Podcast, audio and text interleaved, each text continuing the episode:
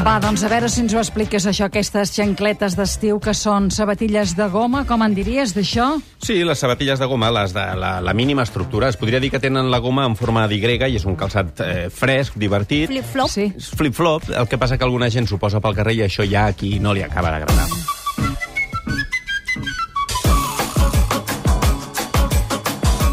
Si són de pell, sí. Si són de color taronja, sí o tampoc? Bé, de fet estem parlant de la xancleta de goma brasilera, eh? És aquella sola, amb una tira en forma d'Y, i prou. És tan pràctica, perquè es va inventar al Brasil fa 40 o 50 anys, que ha aconseguit sortir de les platges, fins i tot de l'àmbit domèstic, i és una mena de calçat urbà estival, tothom en porta.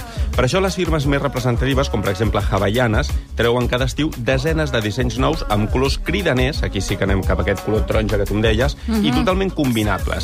Sentim la Jasmine, que és la responsable de la botiga d'aquesta firma brasilera, al centre comercial Maramagnum de Barcelona. Siempre se respetan las tradicionales, que es el modelo Brasil, que todo el mundo ubica por la bandera de Brasil, las líneas que van en la suela de Brasil, y a partir de ahí, cada año hace- se hace una colección. Y entonces esa colección hay colores básicos que siempre permanecen y siempre están, modelos también, pero cada año siempre hay una diferente en color y en estilo. De fet, tot aquest desplegament de colors, estampats, formes que ens explicava la Jasmine té l'origen en la customització espontània, o sigui, no feta Sí. per un dissenyador, sinó pels primers usuaris del Brasil dels anys 50. Se dieron cuenta la empresa que las hacía que la gente, para no aburrirse, que era dos colores, giraban la suela. Y entonces ellos mismos cambiaban la tira y la ponían del otro lado de la suela, y entonces tenían como otros más colores. Como si fuera reversible. Exacto, reversible. Entonces se dieron cuenta que, además de que se usaba mucho por el precio también que es económico, pues empezaron entonces a crear más colores.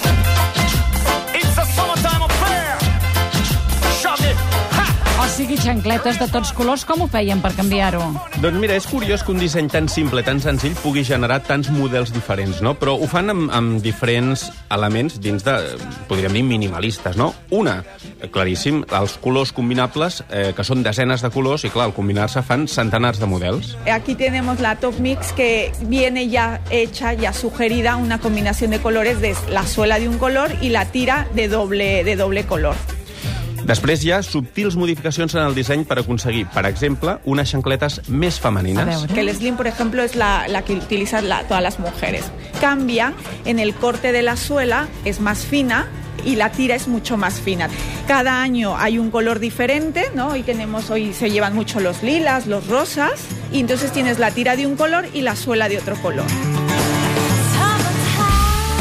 Pel que dèiem d'això, de la moda urbana, doncs està clar que ara també estampen les soles amb grafitis per aconseguir aquest rotllo com més de carrer. Viene mucha gente pidiendo la de las combinaciones del Barça. Oh, Suela bo. azul con la tira roja. Qué bo, o de ¿eh? España también, ¿no? Entonces también se intenta, bueno, pues tener un poco la variedad de colores del público que viene y que va pidiendo. Y además puedes personalizarlas con las piedras de Swarovski. Molt bé, eh? Giselle Bunchen ha fet molt per les xancletes, oi, Òscar? Perquè ella té una col·lecció que també la promociona molt i, i són ecològiques Sí, i sí, sí, sí. sostenibles. I, És el que dèiem, no? Un disseny tan senzill sembla mentira que pugui adoptar tantes variants i tan diferents, no?